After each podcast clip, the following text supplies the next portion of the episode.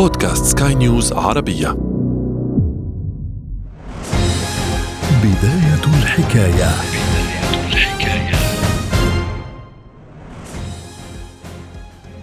ما الذي قد يدفع أشخاصا يعيشون في عام 2023 للقتال من أجل الثأر لمعركة وقعت في القرن الرابع عشر؟ تخيل أن فكرة العداء تبقى في نفوس أشخاص قرونا. وتحركهم بحيث إن مشاعر الكره تتحول إلى حرب يقتل فيها آباء أو أمهات أو أطفال أو تتدمر حياتهم. أو تخيل كيف أن البشر لم يكتفوا بالكشف عن فيروسات مجمدة من آلاف السنين بل أعادوها للنشاط من جديد. ما سبق كان بعضا من أحداث شهدها 2023 وتابعناها معا في بداية الحكاية. أهلا بكم. أنا عمرو جميل وهذا حصاد 2023 من بودكاست بداية الحكاية. مع بداية عام 2023 كان المحول التوليدي المدرب مسبقا للدردشة يحدث دويا كبيرا. لعلكم لا تألفون الاسم السابق لكنه الاسم الكامل لشات جي بي تي. كتابة مقالات وإجراء مناقشات وفي فترة وجيزة أصبح هو الأكثر تحميلا على الإنترنت وطبعا انهالت الأسئلة والسيناريوهات. هل يهدد الذكاء الاصطناعي البشر؟ ليس وظائف البشر بل وجود البشر نفسه. حينها قررت أن أخوض تجربة مع شات جي بي تي وأطرح عليه السؤال هل يمكن أن تنقلب علينا الآلات؟ أما الإجابة فكانت مفاجئة. مفاجئة في الإجابة المراوغة التي قدمها لي شات جي بي تي والتي ذكرتها حينها في الحلقة. وفي شهر فبراير لو تتذكرون وقع حدث أليم. لما أحدث زلزال هائل دمارا كبيرا في تركيا وسوريا. عشرات الآلاف من القتلى ومئات الآلاف من المباني المدمرة. حينها خرجت تفسيرات كثيرة تتحدث عن مؤامرات وتجارب غير اعتيادية وقدرة البشر على توقع حدوث الزلازل التي كان بطلها خبير الزلازل الهولندي فرانك هوجربيتس في تلك الحلقة حدثتكم عن تجارب علمية غريبة ترتبط بإحداث هزات أرضية عن برنامج هارب الغامض وعن اتهامات فنزويلا لأمريكا عن تجارب السوفييت الغريبة في جزيرة كولا وعن المشروع الألماني للوصول لمركز الأرض. وفي شهر فبراير أيضا كان عام قد مر على بداية الحرب في أوكرانيا.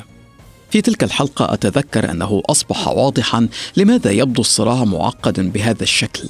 ولماذا وكيف تحولت أخوة ومصير واحد بين الروس والأوكرانيين إلى فتور فنفور وحرب؟ عندنا تاريخ. روسيا تبتدئ من مدينة كييف. لأن مدينة كييف كانت عاصمة روسيا كلها وكانت تنتشر فيما بعد الأمراء الأمير الكبير الكييف أبنائه كانوا ينتشرون على أراضي إلى الشرق إلى موسكو إلى فلاديمير إلى نوفغورод إلى الشمال وإلى الشرق وإلى الجنوب. ولذلك آه، أساسا كييف كان مسقط رأس كل آه، عائله روسية.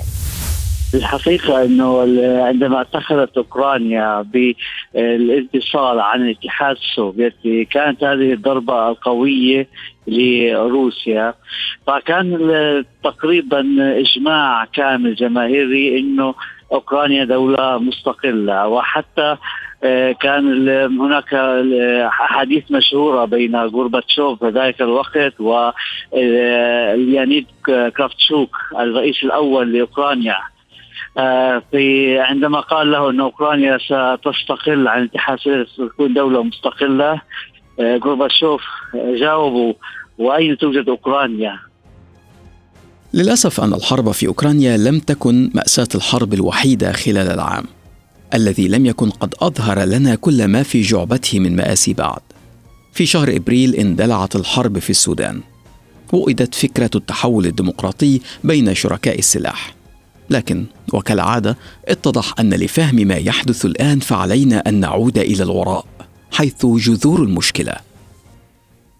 عندما استقل السودان استقل بفكرتين. كانت آه، يعني مؤثرة على واقع الحياة السودانية آه، اللي هو الاستقلال عن مصر وبريطانيا في هذه فكرة الاستقلاليين الاتحاد مع مصر فكرة الأحزاب الاتحادية وظلت هذه الرؤيتين خلقت انقسام داخل السودان يعني. بالتالي هذا هو مدعاة لسبب الهشاشة في القرار السوداني. ولذلك المؤسسة العسكرية اختطفت القرار السياسي يعني التأييد للفكرتين لم تتجذر يعني. ولذلك ظل السودان القرار السياسي فيه مرهون لأفراد في المؤسسه العسكرية يتجهوا نحو الاتحاد السوفيتي وتارة يتحولوا نحو الغرب أمريكا تارة أخرى. في شهر مايو كان العالم يتابع حدثا آخر لكن هذه المرة في بريطانيا. للمرة الأولى منذ سبعين عاما يتم تنصيب ملك جديد الملك تشارلز الثالث. حينها اكتشفت حقائق غريبة عن التاريخ الإنجليزي الطويل مع ملوكه. الذين لم يزد عددهم عن 62 ملكا فقط طوال تاريخ بريطانيا. أول ملك وحد الإنجليز بعد طرد الفايكنج كان ألفريد the Great. المراسم شكلها الحالي بدأت في 1274 مع إدوارد الأول. لأن طبعا اعتلاء الملك العرش ما بيكونش مع التتويج بيكون قبلها فكان هو قبلها بسنتين. لكن أول تتويج في ويست مينستر ابي ده كان في 1066 ودي كان صار فيها تتويجين.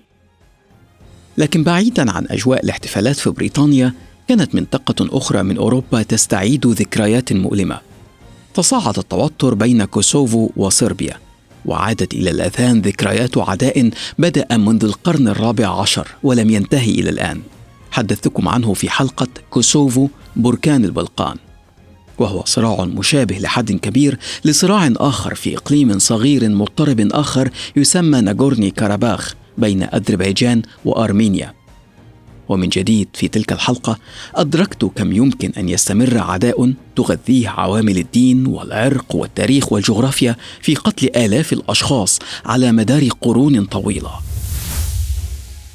وكأن الطبيعة أرادت أن تعاقب البشر عما يرتكبوه بحق أنفسهم وبحق كوكبهم أيضا.